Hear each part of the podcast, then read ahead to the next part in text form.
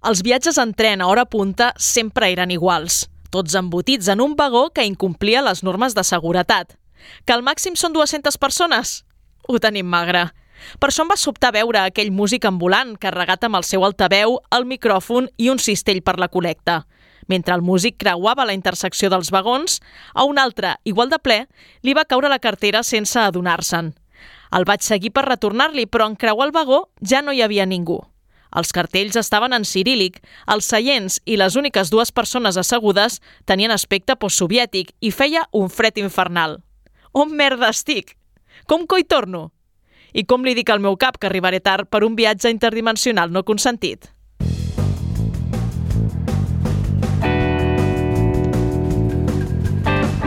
Quimèric, amb Karen Madrid. Benvinguts al Quimèric. Ja ho deia la guia de l'autostopista galàctic. El sentit de la vida és 42. I aquest número té per als amants del fantàstic més significat que mai després de la tercera edició del festival que s'ha fet a la Fabra i Coats amb més de 70 activitats programades. El programa d'avui serà un especial 42. D'una banda us acostarem les veus dels guanyadors dels guardons del festival. De l'altra, les declaracions d'alguns dels autors internacionals convidats, com Steven Erickson, Jay Christoph, Ada Hoffman o Wu Mingyi. A més, també reflexionarem sobre les distopies i les utopies, uns dels eixos temàtics d'aquesta edició del 42. És el que donarà de si el sisè quimèric d'aquesta vuitena temporada que fem possible amb el Toni González a les vies de so, l'Iker Mons i la Marina Tovella a la producció i la Clara González a les xarxes socials. Quimèric et recorda que només hi ha 42 motius per viure. Especial Quimèric. La tercera edició del Festival 42 ha tornat a triomfar. Crec que en som molt conscients els que hem estat allà tots els dies. Sí, dono fe. Dono... Oh, ha, ha sigut uh, un, una experiència fantàstica. Mai I mai més ben dit, I no? mai millor dit. Des de totes les vessants. Tenim dades de l'organització que són bastant espectaculars, que és que per les activitats de la Fabra i Coats han Mhm. passat més de 7.000 espectadors de forma presencial Mare meva. per veure els 180 ponents convidats. Uh, són més de 2.000 assistents més que l'any passat. Vale, Bueno, o sigui, déu nhi eh? Això ja demostra la consolidació de l'acte eh, de, del festival. Sí, sí, totalment. A veure, uh, sí que vam veure entre setmana que hi havia gent, però normal, però el dissabte, per exemple, les cues per veure els autors caps de cartell, diguéssim, Sí. semblaven cues de PortAventura. Vull dir, anaven fent zig zigazagues, giragonses, i, i bé, com l'any passat ho vam veure amb el Jodorowsky, Doncs, a- aquest any amb l'Erickson i el Christoph ha el passat Christoph, igual. exacte, no sé què ha passat amb aquest, amb, amb aquest bon home, però era el preferit. A veure, jo he de dir que estava a l'exterior de Fabra i Coats quan va arribar Christoph, sol amb un acompanyant de l'editorial i un traductor, Sí. I és que no feia falta que et diguessin que era algú famós, perquè tenia com una aura d'estrella del rock al·lucinant, És, saps? e- e- era la idea que teníem, que, era, que és com un vocalista d'un Sí, sí, grup sí. De, de, de rock. Estava parlant amb una companya i deia és una barreja entre mm, líder del rock i gòtic. O, O- emo, no? O, o, o un culte de secta satànica, sí, exacte, poder, no? exacte. També. Bé, es nota, ja en parlarem del Christoph. En tot cas, alguna xerrada s'han emès online, eh, les podeu trobar al YouTube de Barcelona Cultura, però la queixa general que ens trobàvem i que volem fer altaveu d'aquesta queixa perquè l'hem sentit molt i nosaltres ens sumem, és que hi havien coincidien, com està passant altres anys, 3 i 4 activitats a, a l'hora, i fa ràbia perquè això t'obliga a triar i t'obliga a descartar, i el que descartes ja no ho pots tornar a veure mai més. Això és O veritat. sigui, allò es perd, com Dona- làgrimes en la lluvia. Oh, dona Llavors ràbia. és com, a veure, uh, per exemple, en el meu cas, uh, ja el saps tu, uh, tenia una xerrada cada dia i per l'hora en què tenia la xerrada que jo moderava em perdia tot el que volia veure, perquè o Exacte. queia o just a la mateixa hora o aquella mitja hora abans o després de la xerrada. Clar, eh, quina ràbia, no? Almenys he pogut veure algú mingui en, en online, Sí. però és un dels autors que m'hauria agradat veure i sap greu, o sigui Sí. que allà ho deixo, que tant d'esforç, tanta gent mobilitzada, estaria bé poder-ho conservar d'alguna manera. I en aquesta edició jo també vaig participar i efectivament va passar el mateix. Dius, oh, jo volia veure Ai, això, ja, doncs que mira, ràbia. no, al final hi has d'anar, tu. Quin remei? A veure, un dels moments més emotius del festival, com passa amb tots els festivals, és la cerimònia d'entrega de premis. I tu ens has fet un resum molt maco, no? Buah, m'he emocionat. Doncs va, emocionem-nos un altre cop. És una cerimònia que serveix també per dir que som l'aldea d'Astèrix, no sé si us heu adonat. Vam decidir que faríem, que parlaríem de terror, la cosa per fora està bé de terror. Vam decidir que parlaríem de distopies i que li posaríem èpica amb la fantasia, o sigui que, no sé, crec que al final guanyaran ells i tot serà eh, gèneres fantàstics i nosaltres ens haurem de fer normis. Tota la vida pot ser de gèneres fantàstics, per fer servir l'atmosfera per crear un escenari asfixiant i grotesc que apela als sentits i provoca incomoditat. El Premi 42 a la millor obra original en català enguany és per Guilleries de Ferran Garcia. I ja està, simplement... Bueno, I gràcies a mi mare, que dimecres va caure del balcó, però està bé, eh? està bé, no li ha passat res. No. va caure d'un tercer pis. Quan jo vaig sentir cridar, vaig sortir al balcó i vaig veure tres pisos a baix, la Magnòlia movent-se, i ella, estic bé, estic bé. Um, doncs, uh, hòstia, no sé, gràcies, no sé a qui, uh, ni a què, però gràcies, moltes gràcies perquè ha estat un ensurt molt gran. Doncs visca el fantàstic, uh, i visca el terror, i visca vosaltres. Moltes gràcies. Gràcies, papa. así como una parábola sideral del terror no apta para todos los paladares. El premio 42 a la mejor obra original en castellano en este 2023 es para Lancolía de Santiago Eximeno, publicado por Dilatando Mentes. Y este libro habla precisamente de eso, ¿no? de que yo soy irrelevante, la vida es irrelevante, la existencia es irrelevante y nada tiene ningún sentido. Es un libro profundamente pesimista, es un libro en el que no tiene eh, nada positivo, es absolutamente triste.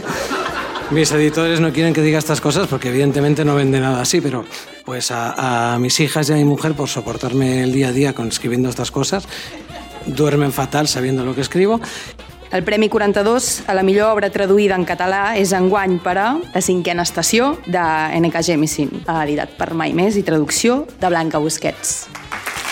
Many thanks to the people who have helped me get my work published in the Catalan language so that it could win an award for Best Fantasy Work uh, published in Catalan.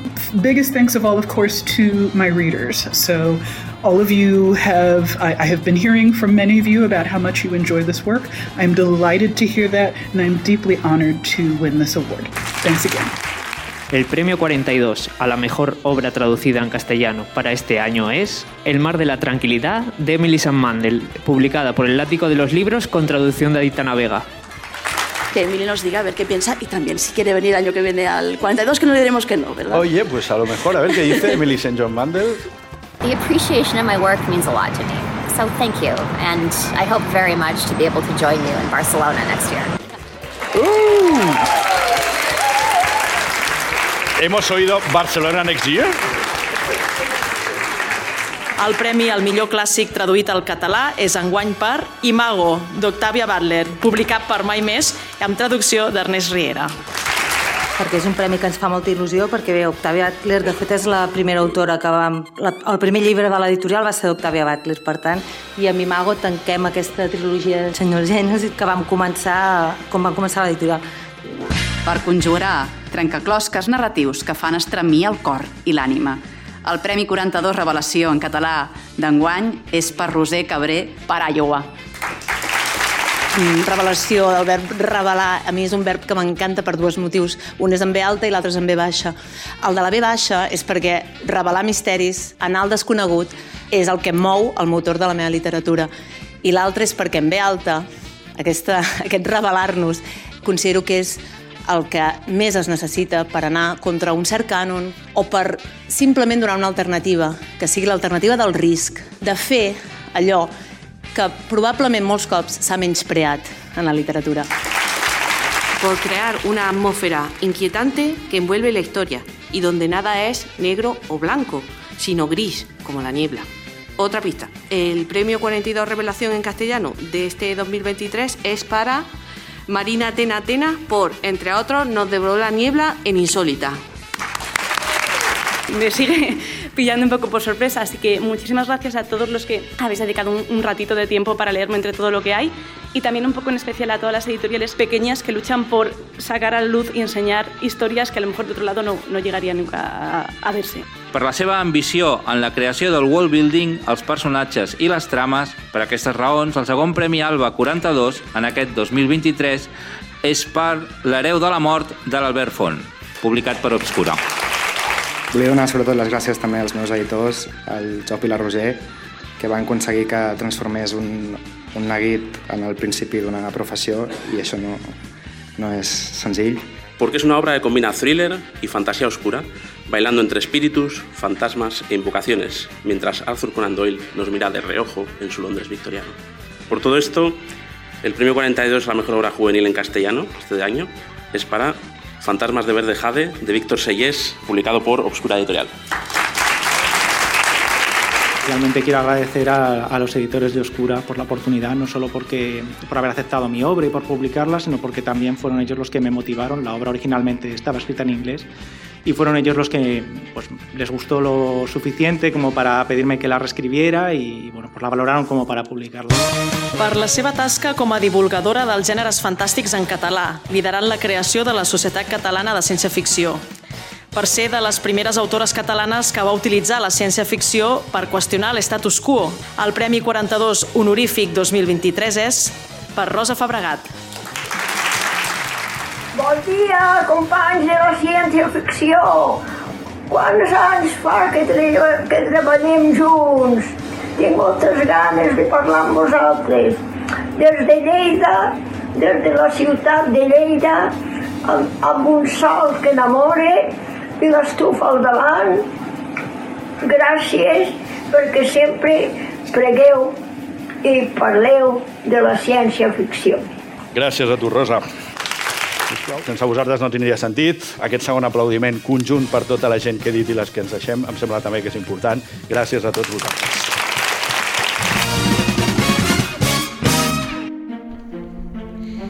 En el cas dels premiats catalans, ara ho comentàvem a micro tancat, no? Molts dels Buah. premiats han passat abans pel Quimèric, no? El Ferran Garcia, el Roser Cabré Bardiell, els podeu recuperar en el, en el nostre e-book, en les entrevistes que donen molt de sí. Que no es noti el cop d'estat, Que- ni...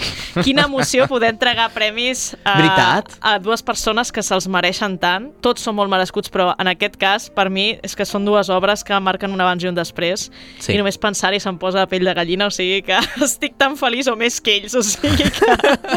però teníem una entrevista pendent. Doncs sí. Uh, feia un any que la teníem pendent perquè ens vam trobar amb l'Albert Font, l'hereu de la mort, al Granollers Zona Friki just fa un any i crec que ara que ha guanyat, doncs, tocava, tocava parlar una mica Home, era d'aquest títol. l'excusa perfecta. I tant, el vam enganxar bastant nerviós, també ho hem de dir, perquè després d'un acte així un perd una mica de perspectiva, Sí. però bé, escoltem-lo.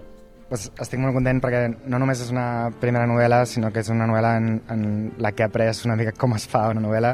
He tingut molts bons editors a Obscura que m'han acompanyat en el procés i la veritat és que m'he sentit molt còmode.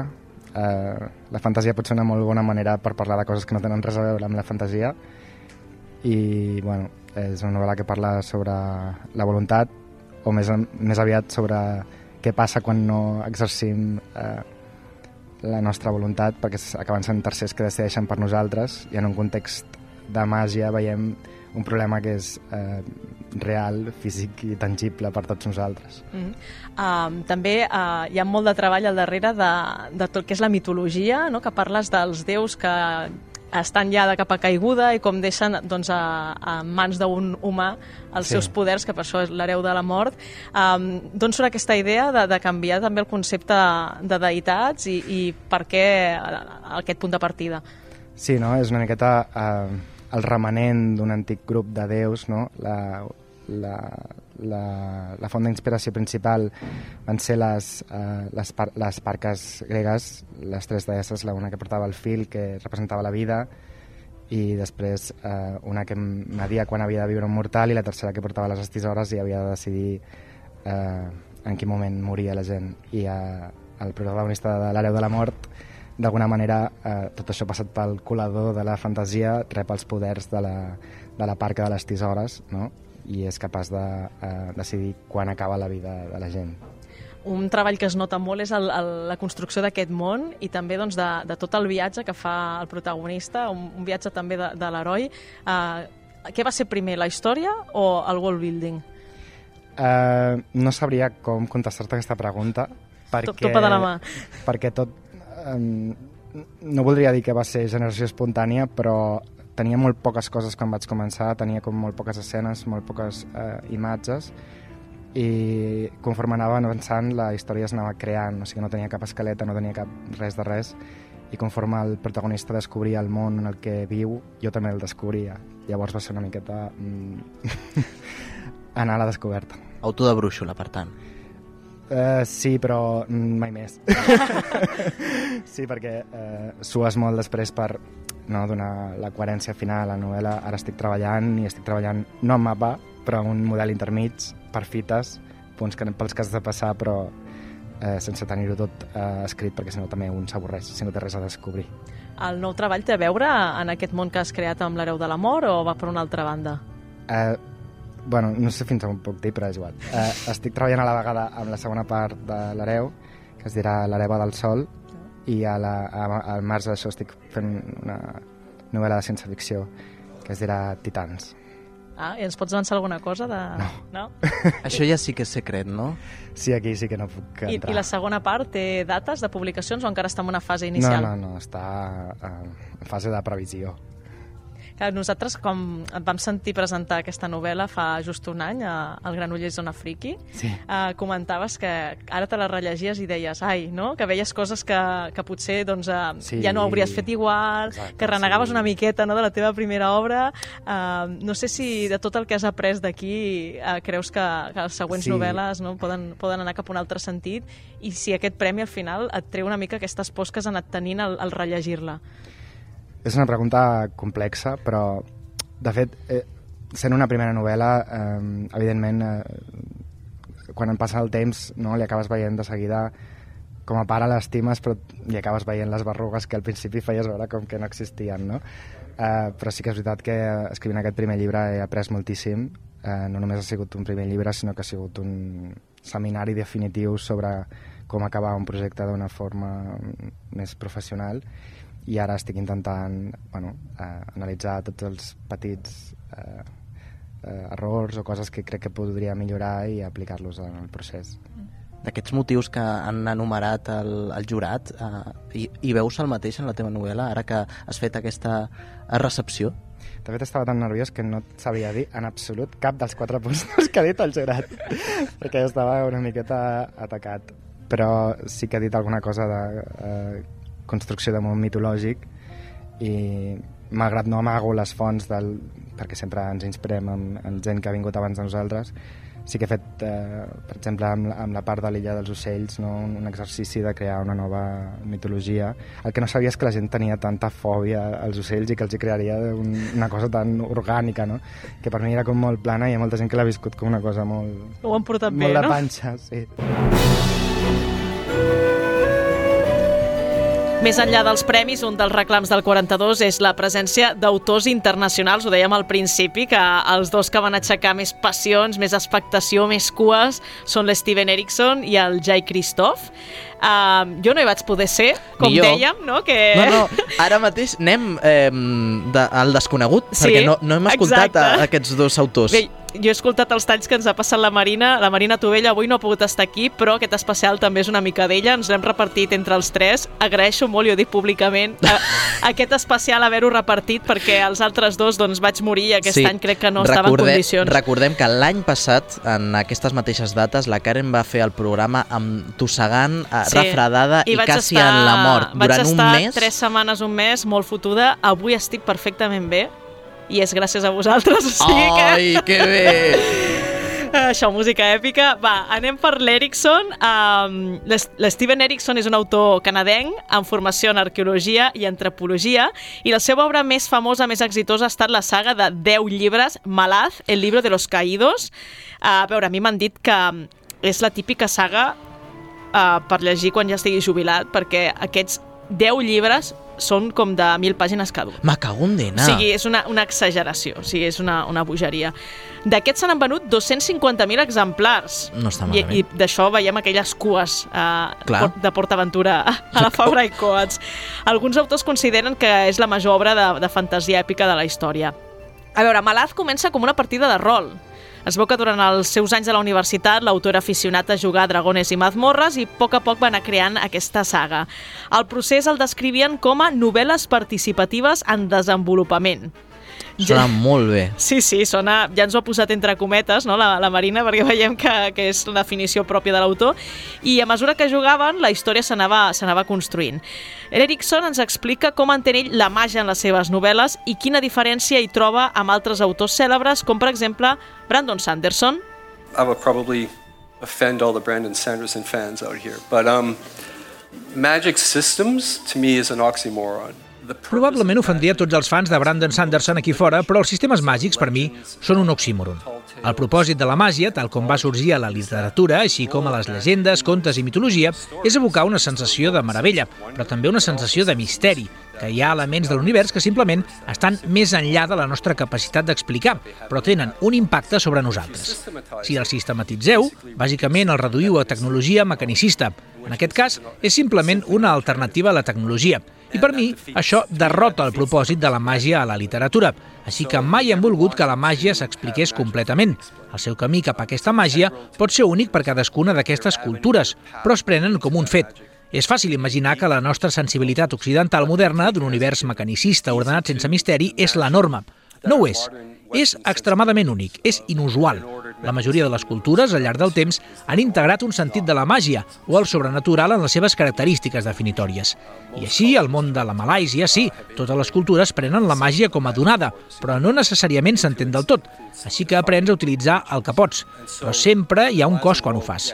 Així que sí, no ens interessa explicar massa el sistema màgic. És allà, està al fons. Cam i jo operem d'acord amb aquestes regles, però no creiem que sigui la nostra feina establir els detalls d'aquestes coses. Too much of the magic system. It's there, it's in the background. Cam and I both sort of operate upon those rules, but we don't feel it's our job to, to lay out the specifics of those things. Jay Christoph, per la seva banda, és un autor australià que escriu fantasia i ciència-ficció. La seva saga més èxit es titula Luminae, coescrita amb l'Amy Kaufman i publicada el 2015. Ara l'autor presenta la seva última novel·la, Aurora Rising, també coescrita amb Kaufman. En les dues novel·les, Christoph explora els futurs impossibles.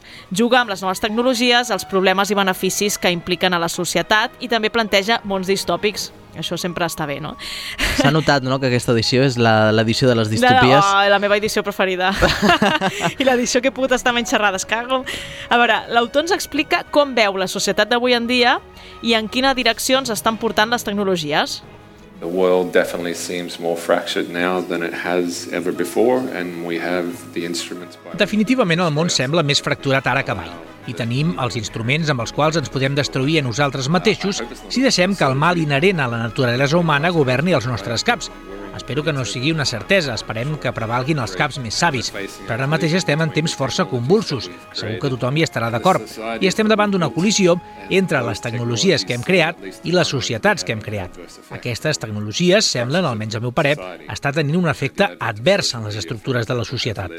L'arribada de les xarxes socials, per exemple, ha provocat més divisió al món en què vivim que gairebé qualsevol tecnologia que pugui imaginar.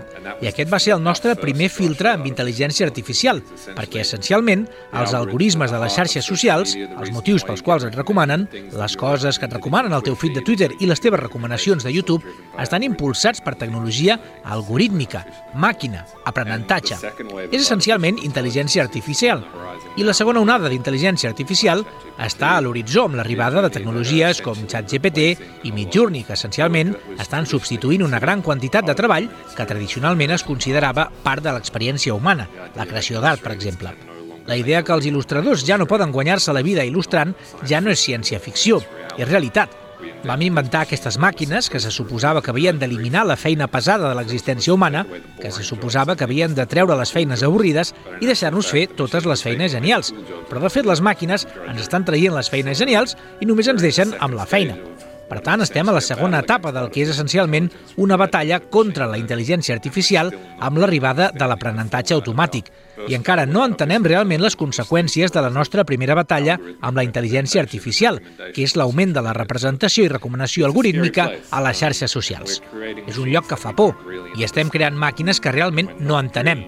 I realment no ens mou el pensament moral, sinó l'adquisició de riquesa, el capitalisme, l'adquisició de diners és l'objectiu impulsor, així que és un lloc espantós. So it's a, it's a scary place. Alguns, però, el coneixem més per la saga de l'Imperio del Vampiro, que és uh, el que se n'ha parlat més i, i per la qual va venir a Gigamés a firmar fa uns mesos. Sí, I durant sí, la sí. xerrada va anunciar també que se n'escriuria una segona part i alhora va anunciar que probablement, probablement, es traduirà la segona part de Luminae, Ah. Geminae, al castellà. Agafem aquest probablement entre comentes i amb moltes pinces per si de cas. Suposo, perquè, no, però, clar, Bueno, eh, la Marina ha posat probablement, entenc que ha dit probablement. ah, probablement. Confiem, eh, confiarem amb el Cristof. Però bé, el Christoph no és l'únic autor que ha abordat la intel·ligència artificial en la seva obra. De fet, la saga de l'extern d'Ada Hoffman també contempla la intel·ligència artificial entre els múltiples temes, les múltiples capes d'aquesta trilogia. Entre elles la deïtzació de les tecnologies. Això és molt interessant. Sí, perquè agafa els àngels, per exemple, són persones de, transformades tecnològicament amb, amb aplicacions tecnològiques. Llavors, clar, ja t'estan convertint un àngel en una mena de persona híbrida de cíborg, no? El cíborg, el transhumanisme... Ah, exacte. Aquesta I- idea m'agrada. I per no parlar de qui són els déus, que no vull dir res perquè es descobreix a la tercera part, no? Però a veure, aquesta autora canadenca està especialitzada en computació, treballa d'això. I era un dels temes que ella volia destacar. De fet, va fer un, un doctorat Mhm. de programació d'una intel·ligència artificial perquè escrivís poesia. És una cosa supercuriosa. Oh. uh, ella reia perquè diu, bueno, és que clar, en aquell moment encara no hi havia xat GPT i el meu treball ara queda com super desfasat i queda molt curt, però que li va agradar molt fer aquesta, aquest procés i que això també es nota no, en el llibre. I també ha creat la figura de l'extern, que és el que dona nom a aquesta saga, no? l'extern, aquesta cosa tan difícil d'explicar que és com una cosa que quan apareix eh, transforma tot el que toca i en certa manera ho destrueix també. L'extern? L'extern. L'extern. Eh, És el nom de, de la trilogia i quan jo li preguntava, és molt curiós això, li vaig dir, però clar, l'extern al final és l'altre, no? I sí, sí, clar, i dic, no et vas plantejar dir-li d'una altra manera? I va ser com, hòstia, no m'ho havia preguntat mai. I dic, home, és que l'outsider, no? L'extern és com tot el que no sóc jo, no? Clar. Quan en veritat estàs parlant d'un en difícil d'explicar, que és el que mou tota la trama, no? Em va fer gràcia també com explicava d'on va sortir la idea, perquè com escoltàvem el cas de Malard, també va sortir d'un joc de rol. Into into És gairebé fàcil convertir l'horror còsmic en kitsch, perquè no t'ho penses, però et passes el temps suficient llegint sobre Tulu i veient fotos de Tulu. I bé, tu penses, Tulu no és aquesta ment incognoscible, la cosa trencadora, és aquesta cara de pop de peluix. En realitat és una mica maca i està bé, vull dir que m'agraden els peluixos de Tulu. Però el que és interessant de l'horror còsmic des d'una perspectiva de terror és només aquesta idea de que no som les coses més grans a l'univers. L'univers és enorme i aterridor i hi ha coses que mai podrem entendre perquè els nostres cervells no són prou grans. Per tant, quan estava desenvolupant l'extern per al llibre, només vaig començar a pensar en l'espai, el temps i la física quàntica. Em refereixo a totes aquestes coses de l'univers que realment no estem capacitats per veure-ho completament com són. Suposo que més enllà es tracta de quines regles, de com funciona la realitat, donem per fetes i què passa també si comencem a treure alguns d'aquests, com la idea que només pots estar en un lloc en un moment determinat o la idea que el temps va en una determinada direcció o la idea també que els objectes sòlids són sòlids i no es convertiran en una cosa que et menja de sobte. Així que crec que així ho vaig plantejar. Um, so that was, I think that's how I approached it. I a la literatura també es pot fer activisme, ho vam comprovar, i no? tant, i tant, i tant. La Malka Older eh, n'és l'exemple. L'autora activista i sociòloga i humanista vol mostrar eh, a les seves obres la problemàtica actual d'un món, eh, d'un món canviant, però alhora que està estancat en el seu passat. Que, per cert, havia de venir físicament al festival, però no va poder venir perquè estava amb una pneumonia, una pulmonia, Una no? pneumonia, sí, sí. I, Jo he de dir va que vaig la... patir, eh? La vaig veure... Va somatitzar-la, eh? Sí, em vaig començar a trobar fatal i, i em va saber supergreu per ella, sí, sí. La, la pobra havia de parar de, de tant en tant per tossegar, però bueno... I em espere- passar saliva, i se'l notava que estava patint, la pobra, sí, sí. Només esperem que eh, el té que portava... eh, Que Fos té, estava- fos té, fos té perquè de no ho veritat. teníem clar, no? Uh, doncs bé, recentment eh, l'Older ha, ha escrit la novel·la La imitació d'èxitos ja conocidos i explica que vol escriure allò que, vol, eh, que voldria llegir, però al mateix temps parlar d'allò que li fa ràbia, la política internacional. era más bien pensar lo que quería, lo que quería poner en esto. Como decía, siempre estoy intentando escribir eh, la novela que yo quiero leer, ¿no? Entonces, como decía, estaba, pensando qué son las cosas que realmente me hace sentir bien cuando estoy leyendo y, y bueno, intentaba seguir eso. Con Infomocracy era más bien que no sé, yo, yo sabía que quería escribir algo que, era, que tenía que ver con esos puntos eh, de, de, la política internacional y global que realmente me hace enfadarme, que realmente me, me pone en una rabia porque no tiene ningún sentido. Me parecía como un, problema súper importante en este momento en el mundo que estamos viviendo ahora, ese problema de, de quién pertenece a dónde y por qué los países tienen que, que tener bueno, fronteras fijas. Por un lado, la idea un poco antigua del nation state, del, del, del Estado-nación, que la gente tiene que pertenecer a una geografía y la gente que, que están adentro de esta geografía tienen que ser de una manera u otra, pero también esa idea de que las fronteras no cambian, que estamos en un momento fijo y el mundo está así y no vamos a cambiar las mapas, es, no tiene sentido. Qui reivindica amb les seves històries també és el Tim Pratt, un, de, un, un altre dels internacionals, que és conegut principalment per les seves sagues de ciència-ficció i fantasia. Ha publicat una vintena de novel·les i antologies de poemes, traduïdes en diverses llengües com el castellà per l'editorial La màquina que hace ping em sembla quin interessant. Nom, eh? Sí, quin nom, em sembla interessant. Uh, concretament amb la novel·la uh, Motores de sangre o la, uh, Los herederos de Grace. Uh, però sobretot, Prat és un contacontes i li encanta crear un nom, nous mons amb un límit d'espai. Així, convert, això l'ha convertit en un expert del relat. It is my favorite form. It's my favorite to read, it's my favorite to create. És la meva forma preferida, és el que prefereixo llegir, és el que prefereixo crear. El que m'encanta és l'alegria de crear un món nou cada vegada que t'asseus. Quan escrius una novel·la, estàs passant mesos o a vegades anys escrivint en aquest món i coneixent aquests personatges i creant aquest univers, revelant-ho tot. I això dona grans plaers, veritable immersió. Pots endinsar-te molt en el món. Però és molt satisfactori crear un món en 15 pàgines, 20 pàgines, per donar al lector un sentit, una visió d'aquest conjunt més gran. I les millors històries curtes sembla que suggereixen un món més ampli, més enllà dels marges de la pàgina. Us podeu imaginar què més està passant i cap on van els personatges. Um, you can imagine what else is happening and where the characters are going. And part of what I've learned to do is trust... I part del que he après a fer és confiar en el procés. Confiar que sempre hi haurà una altra idea. Confiar que sempre hi haurà una altra història. Abans em preocupava que se m'acabessin, que potser només tenia un cert magatzem d'idees al cap i que arribaria al final. En canvi, el que he après és que quan escrius i quan vius escrivint i penses com a escriptor i passeges pel món, observant el món com a escriptor, mai et quedes sense idees. Sempre n'hi ha de noves. Les idees generen més idees és un procés generatiu. De creadors d'històries eh, són uns experts la mitologia clàssica. L'escriptor Giovanni eh, Nussi ha dedicat la seva vocació a adaptar al públic juvenil les llegendes i els mites grecs i romans.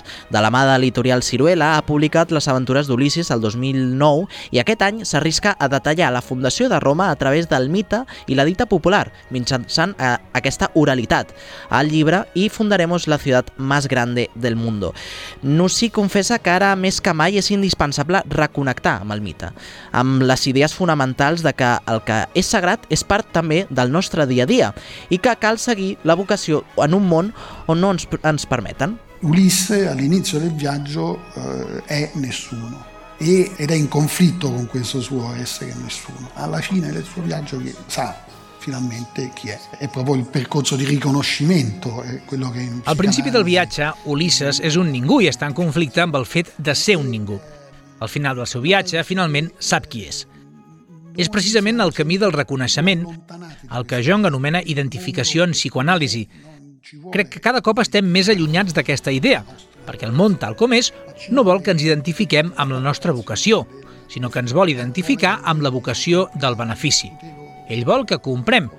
Jo hi parlava amb uns amics aquí a Barcelona, i és una discussió complicada, però un es compra unes sabates per ser noi. Com em vestiré demà? Em poso uns pantalons beix, un jersei... No sóc del tipus jaqueta i corbata amb sabatilles esportives, però sí que donem aquesta imatge de mi. Aquest és un camí que em porta a comprar aquestes sabates aquí. És un camí que ha de tenir el seu propi recorregut. En canvi, el sistema vol que vulgui un parell de sabates i que immediatament després les compri, el més aviat possible. així que deixo de voler-les el més aviat possible. I aquest procés no acaba bé, perquè n'he de voler un altre parell i comprar-lo. possibile, quindi smetto di desi- di desiderarle il più presto possibile e, e che subito dopo, cioè che questo percorso sia, eh, non vada a buon fine, perché ne devo desiderare un altro paio e comprarne eh, un altro paio. I un altre gran nom del festival va ser, ho dèiem abans, Wu Mingyi, l'autor taiwanès de L'home dels ulls compostos. Mhm. la, novel la novel·la ja l'hem recomanat al Quimèric, en altres ocasions vam poder recuperar algunes declaracions de l'entrevista que li va fer l'Adam Martín, i en aquesta ocasió l'entrevista també l'ha moderat aquest periodista que li va molt l'àmbit friki. Reconec que fa de molt bon escoltar, l'he pogut veure a posteriori Sí, i fe. genial. I un dels debats que es va posar sobre la taula és les etiquetes que envolten el seu llibre.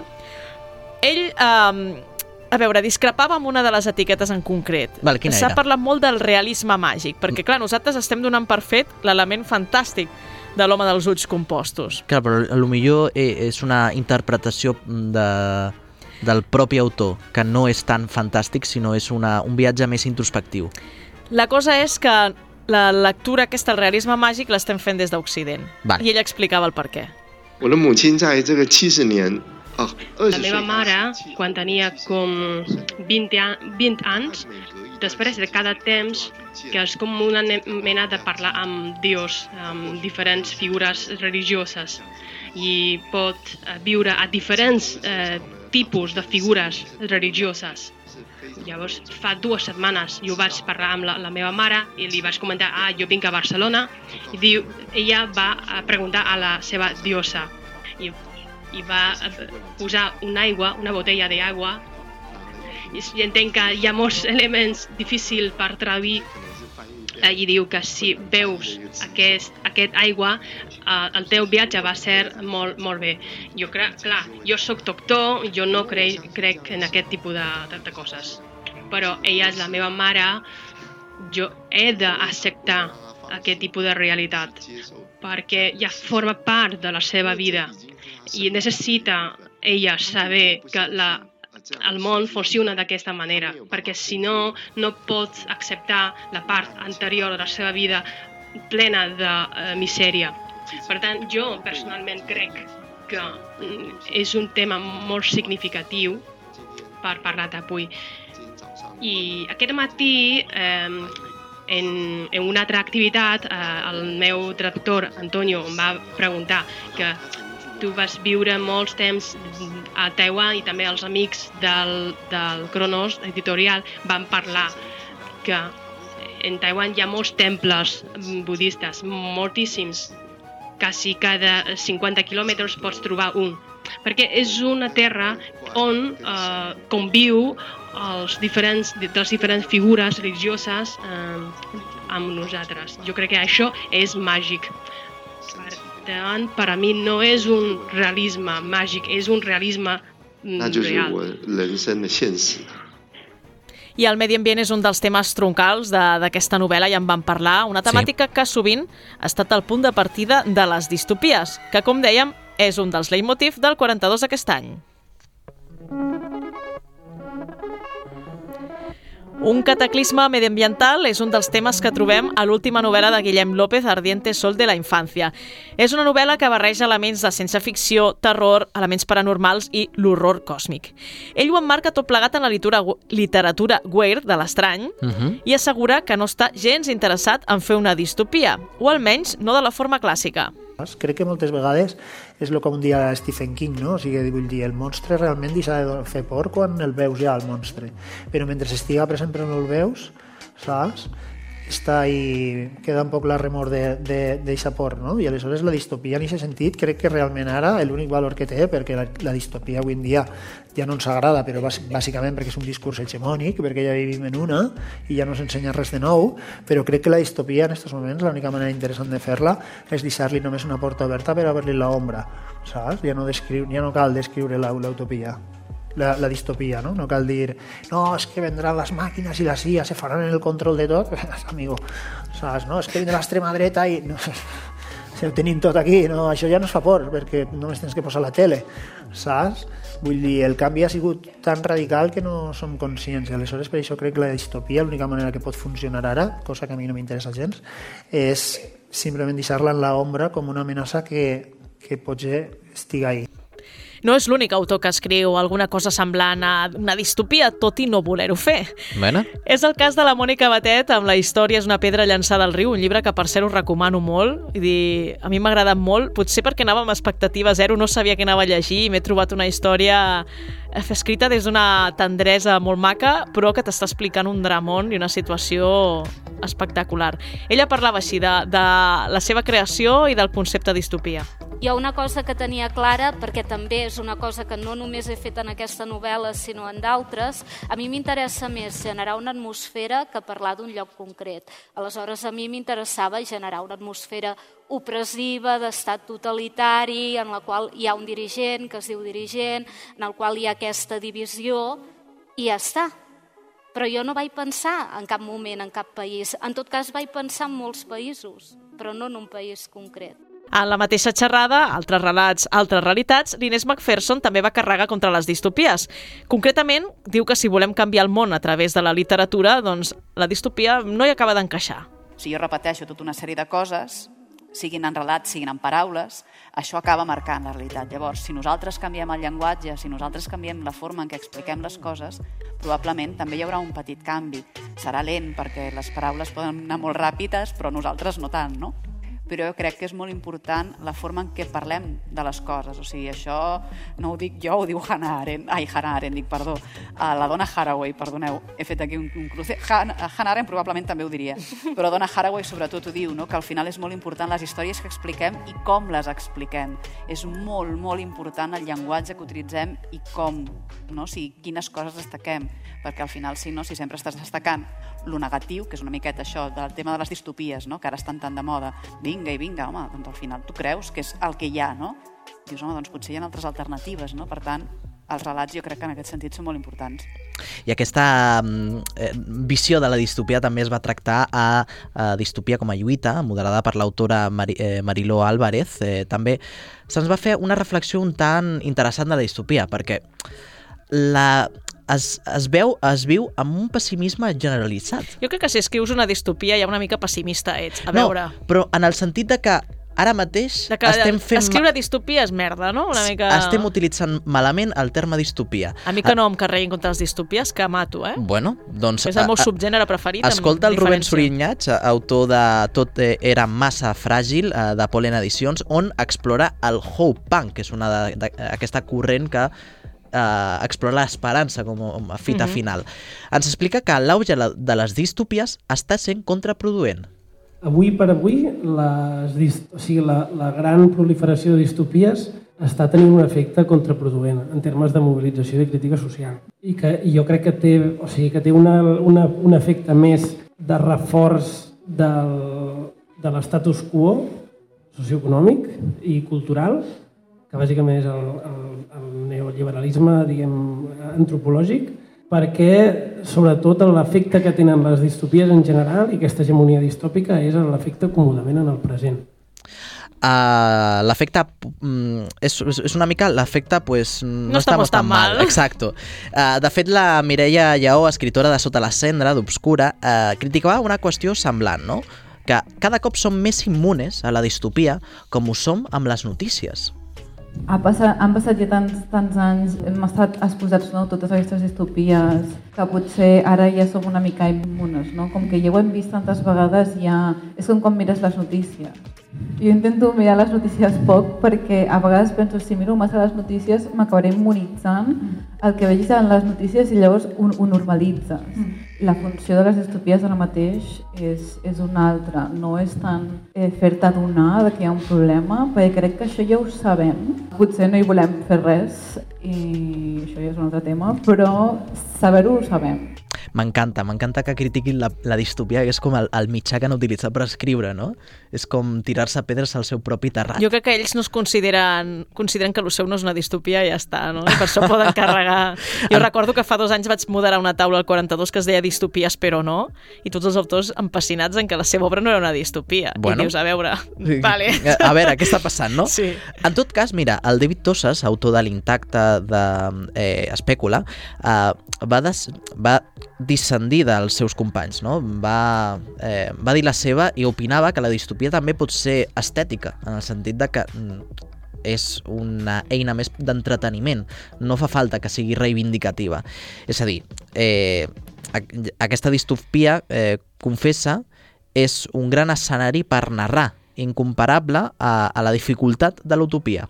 Eh, no sé, la distopia dona aquesta pressió externa del, del món, no? de, aquesta pressió que, sobre els personatges doncs, que els fan eh, caminar cap a, un, cap a un cantó o cap a l'altre. Eh, una utopia amb el que plantegis eh, doncs això, un, un, un lloc idoni, un lloc utòpic per viure, eh, crec que no tindria, per mi, crec que, que ha de ser molt difícil d'escriure de, d'escriure i molt difícil de, de fer caminar els personatges per, per aquests mons utòpics. Tosses ja ens advertia que mm, aquest, aquesta confrontació entre el terme distopies i utopies. I, de fet, el Sorinyats eh, va assenyalar que la complexitat recau, de descriure utopies, recau en trobar conflicte en l'inconflicte. Jo crec que la clau és que siguis capaç de crear una utopia en conflicte. Vull dir que el context en el que es desenvolupa sigui utòpic, però que pugui mostrar... Vull dir, la, els desposseïts de la Úrsula Le Guin, per mi, és l'utopia en conflicte com clàssica, que és la que et permet explicar la història d'una utopia, que també hi ha la distopia, no? Eh, però en conflicte, que no és una utopia perfecta, sinó que, bueno, mm, diu que l'utopia no és un sistema estable, sinó que no hi haurà mai el moment en què l'utopia està construïda i ens podrem asseure a la piscina a veure daiquiris i relaxar-nos perquè ja està tot fet, sinó que el mal no descansa. I altres autors, encara que siguin pocs, que trien l'utopia per escriure les seves obres. És el cas de l'Eva Espinosa amb Mirabilis. Doncs Mirabilis no podia haver estat escrita d'una altra manera perquè diguem que fa un, com un, és com un mirall pel, pel lector, perquè et miris i que diguis, mira, això que t'estic ensenyant és això que passa en el món real. L'única manera de fer-ho que no fos eh, ni massa agressiva ni generés hostilitat en el lector era enviar-ho en un món inventat i, i utilitzant el fantàstic que Mirabilis és molt feliç, sí, són molt feliços, però són molt feliços per una raó, perquè tenen un mecanisme per continuar sent feliços. Quan aquest mecanisme desapareix, eh, arriba la catàstrofe. Tampoc és que siguin tan feliços, s'estan barallant tot el dia. Però des del carinyo, no? Bueno, es barallen i després fan, escriuen i es desfoguen i estan, es queden tranquils. Mentre puguin escriure així, no hi ha cap problema. Un dels continguts audiovisuals eh, més tirada eh, que explora aquesta idea d'un futur utòpic és Star Trek, i el podem sentir ara mateix. La millor manera d'introduir la importància del nostre futur és amb un fragment de la sèrie Star Trek Strange New Worlds, en què el capità Picard, eh, Pike perdó, adverteix a una civilització alienígena el seu futur distòpic. Yo he visto mi futuro. Veamos ahora el suyo. Todo empezó igual, luchando por libertades. La llamamos la Segunda Guerra Civil, luego las eugenésicas y finalmente la Tercera Guerra Mundial. Vean nuestro último día, cuando la Tierra de siempre dejó de existir. Lo que era el conflicto de una nación acabó con la erradicación de 600.000 especies de animales y plantas y el 30% de la población de la Tierra. Suicidio global. Lo que les dimos. Fue un modo de autoexterminarse. Y por lo que parece, van a hacerlo. Usarán sus distintas ideas sobre la libertad para bombardearse. Y su último día será igual que el nuestro.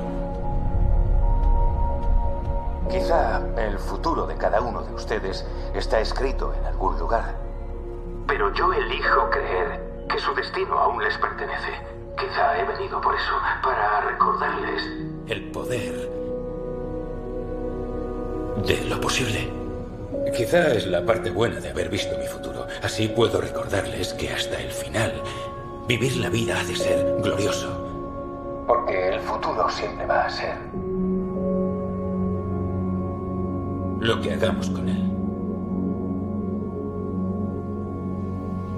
Que bonica aquesta reflexió, eh? El que fem amb ell. I aquesta reflexió és molt important, perquè tenim l'oportunitat ara mateix de canviar les coses per arribar a aquesta utopia, per arribar a aquesta idea, no?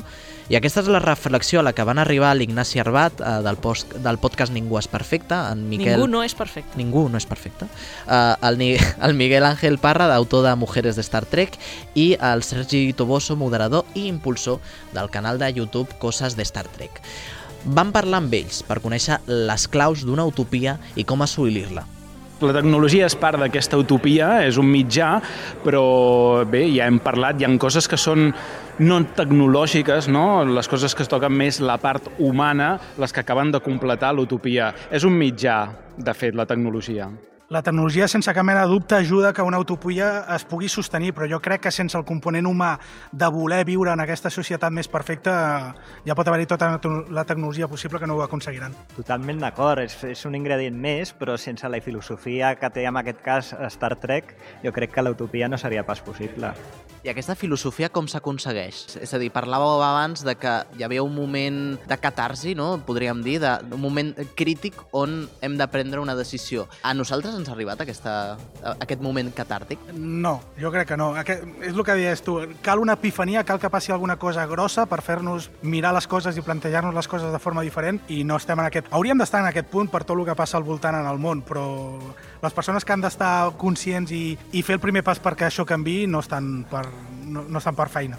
Realment és el que dèiem també durant la xerrada, és a dir, eh, hem d'arreglar els problemes de fora abans d'anar, els problemes de dintre abans d'anar a mirar tot el que puguem fer a fora, no? Però és veritat que mirar-nos des de fora a nosaltres ens ajuda a tenir aquesta consciència de que som res, som molt petitons i que ens estem discutint per eh, bestieses quan hauríem d'estar per altres coses que realment són les importants. Com aquella imatge que va difondre la NASA del nostre planeta Terra vist des de la llunyania. Una última reflexió. En els darrers 30 anys el consum eh, a literatura, ciència-ficció i eh, al cinema, etc s'ha derivat bastant a la distopia i no tant a, a l'utopia o a l'espace opera, a l'exploració de l'espai.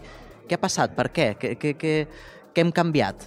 També, eh, mira, ja, ara, ara te trenco, eh, perquè no, mira, hi ha una sèrie que és For All Mankind, que et recomano, recomano als oients eh, moltíssim, que és... Eh, no deixa de ser una mica també això, hi ha gent de Star Trek a darrere, tot s'ha de dir, i es nota un munt. I parla de la carrera espacial i com hagués estat la carrera espacial. En aquest cas hi ha un clic, que és els russos arriben abans a la Lluna, i a partir d'aquí això ho canvia tot, no? I és veritat que bueno, podria ser com una mena d'un origen de com hauria de ser la carrera espacial amb conflictes, molts conflictes, perquè no deixen de ser els humans que som avui en dia, no els que podríem arribar a ser o els que són els que retrata Star Trek. Crec que a nivell de guió, a nivell d'història, és fàcil no? explicar alguna que passi en un món obscur on hi ha l'heroi que ha de salvar, no sé què. Jo crec que és fàcil construir una, un, un, una història a partir d'aquí. Construir-ho construir una història a partir d'un món on, que és tot idealitzat mm, té el seu repte. Uh, esperem que vinguin més uh, històries amb, amb utopies. Clar, jo estic amb el Sergi, és molt més fàcil fer un argument espectacular en, en, en, un marc que sigui més belicós, no? En un, en un argument de pau i, i prosperitat és, és molt difícil fer una història per, que enganxi el, els, els espectadors.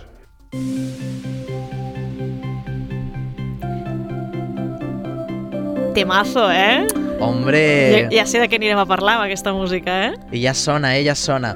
El Festival 42 també va fer homenatges a, a un dels grans de la literatura, el Michael Ende, autor de La història interminable i Momo, entre d'altres. Mm. És conegut eh, com l'introductor del surrealisme infantil i eh, per aquest motiu una de les exposicions d'enguany estava dedicada a la seva vida i obra. A la xerrada en el seu honor hi va participar l'escriptora Sofia Rey i l'autor Josep Francesc Delgado. La Sofia Rey és eh, coescriptora a Ende Interminable, un homenatge on es recullen totes aquelles històries que Michael Ende mai va explicar a la a la història, història interminable, no? Aquelles que s'introduïen amb un i esta història serà contada en otra ocasió. Un gran recurs, eh? Exacte. doncs això és un generador de eh, històries infinites i de fet Rey per això destaca... es diu la història interminable, clar. Exacte. Rey destaca la manera impecable d'escriure Ende, ja que era un motor d'infinites històries. Luego, dentro de la historia interminable, en el capítulo 7, cuando Atreyu se pone delante del, del espejo y ve a Basti. Entonces, claro, ahí, ahí te, te, quedas en shock, porque dices, claro, si cada lector es diferente en cada historia que lee, si cada lector cambia en cada historia, cada historia cambia con cada lector, entonces las historias son obligatoriamente infinitas, ¿no? El Josep Francesc Delgado, autor de l'assaig El món eh, de Michael Ende, Vida, obra i antroposofia, va mostrar la manera en què eh, la, la qual veia Ende els defectes humans. Fa referència a un text on parla que els defectes humans poden ser virtuts. I els defectes humans poden tenir perfectament els costats positius sempre que continuïn sent humans. Si jo fos un pres a qui porten a un camp de concentració i si casualment tingués encara un rellotge d'or amagat en el meu cos i el meu guardià fos italià, llavors jo intentaria acostar-m'hi i dir-li baixet, escolta, tinc a casa set nens menors d'edat, tots petitíssims. Tinc una dona que no pot viure sense mi i una iaia que no para de plorar. I aquí tinc un rellotge d'or. Te'l dono. Si mires cap a una altra banda i deixes que m'escapi. Llavors ell diu, l'italià, amb força probabilitat, s'aixugaria una llagrimeta agafaria el rellotge i em deixaria escapar. Va, això de principi en diguem més corrupció. Eh? Però si el meu guardià fos alemany, no vessaria ni una llàgrima, no agafaria el rellotge i em denunciaria el seu superior per intern de suborn.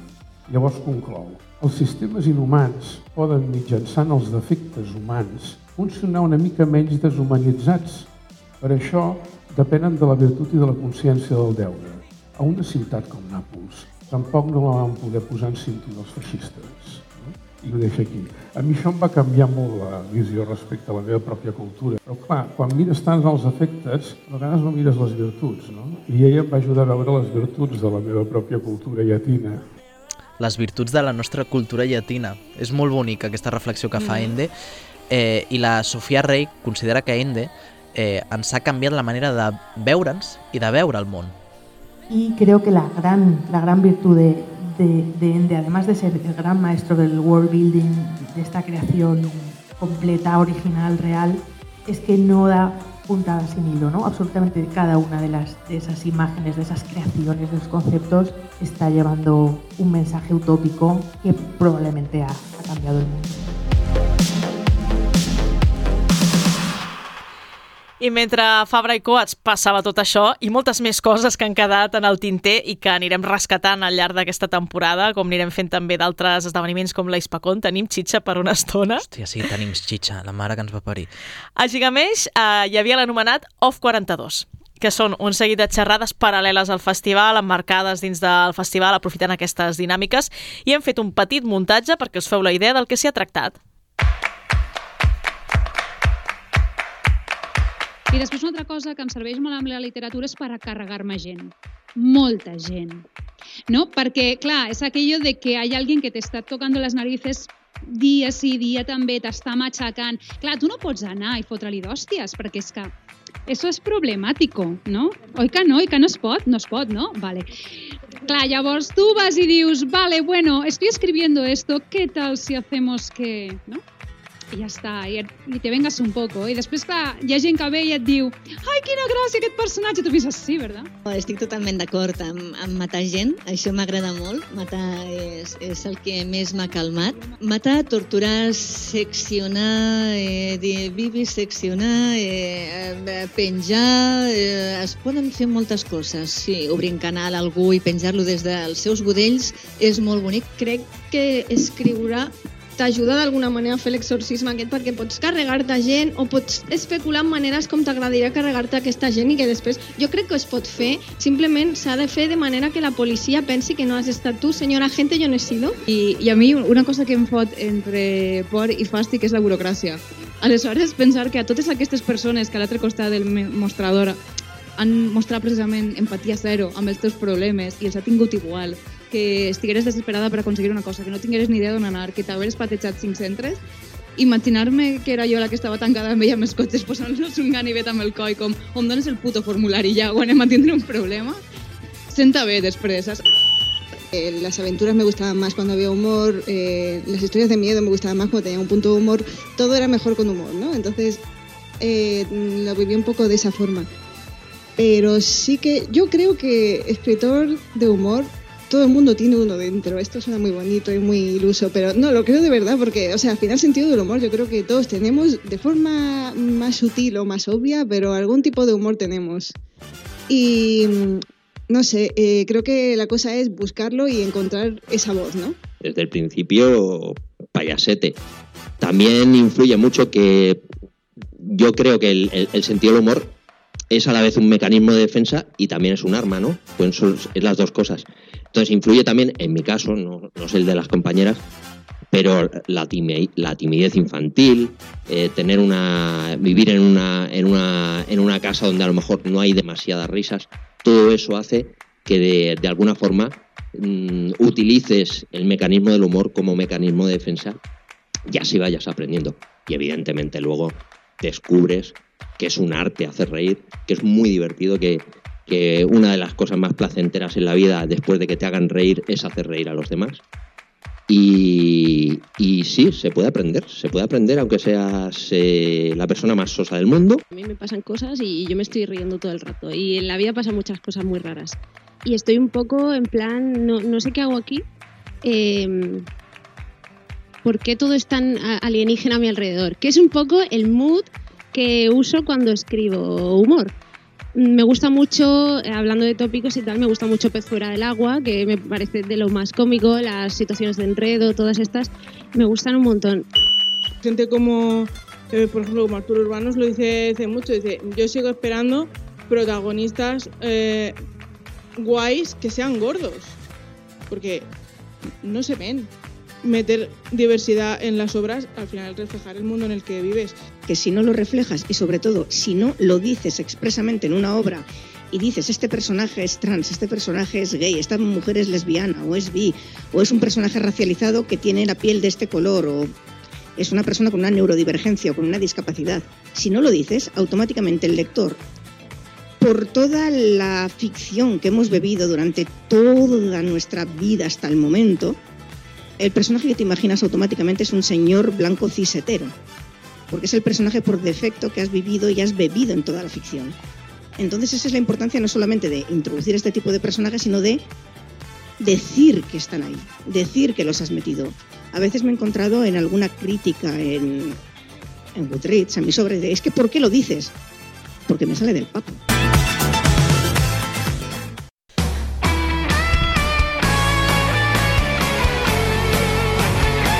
No m'agradaria acabar el programa sense plasmar el que per mi ha estat un dels momentassos del festival. Va passar el primer dia i... Hòstia, i que, que sigui el momentàs, sí, eh? El, vaig, pe- el jo mateix vaig dia... pensar, ja és igual el que passi els pròxims quatre dies, jo només per aquesta declaració ha valgut la pena estar aquí avui.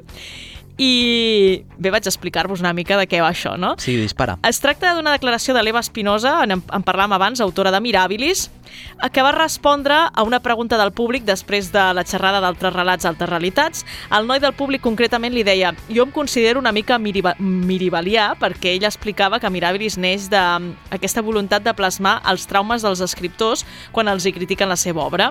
Sí. I ell va dir, jo escric, però no m'atreveixo a compartir-ho perquè sento que se'n fotran de mi. Què he de fer?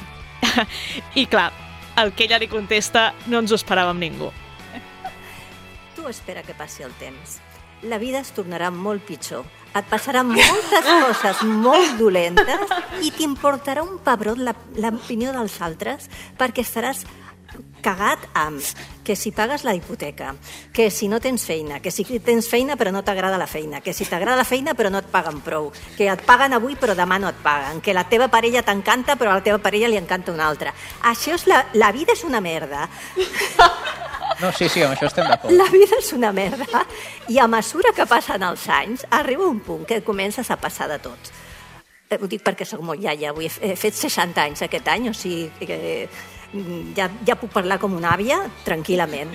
Aleshores, eh, arriba un moment a la vida que, que tens tants altres problemes immediats. La immediatesa és horrorosa, però és útil en el sentit de que mm, arriba un moment en què te n'oblides de tu mateix, t'oblides de les teves pors, t'oblides de, de les teves inseguretats i has d'atendre les coses que tens eh, davant. I potser això t'ajudarà. Tampoc no sóc psicòloga, vaig entrar a fer la carrera de psicòloga, vaig estar dos anys i, ara veus per què la vaig deixar, no? No, no, sí, jo, jo també la vaig començar i la vaig deixar. Veus? Escolta, ja... Tenim els Ja és una bessones, cosa que estem, bueno... Cap a mirar el visqueteu, ja. No sé, llegeix, gaudeix del que fas, passa tu bé fent el que fas, no et preocupis per el que pensin els altres. Els altres sempre mm, pensen malament, estan sempre equivocats. Els altres sempre s'equivoquen, sempre per principi. Vale? Tu tens la raó. En la teva vida tu tens la raó. Aquest és el relat, és el teu relat. Tu tens la raó en el que fas. A tu t'agrada el que fas? Està ben fet. Que pots millorar-ho? Sí, clar, pots millorar-ho, però, però no ho milloris perquè et diguin oh, ho has fet molt bé, ets fantàstic. No, milloro per dir, mira, doncs ho he fet més bé, què passa? Sóc així de xulo. Però no et preocupis per la gent, no et preocupis per la gent perquè la gent no serveix de res. La gent no, la, quan has de fer la declaració de la renda, la gent no serveix de res. Com a molt, el teu gestor et pot servir, però res més. La gent no serveix per res de res en els moments greus de la vida. Ja ve gent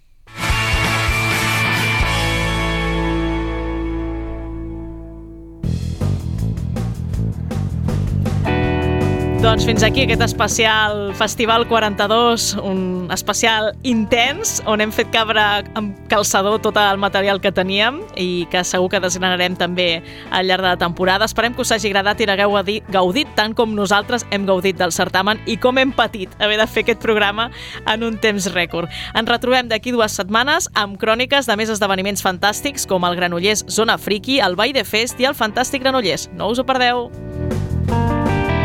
Quimèric, amb Karen Madrid.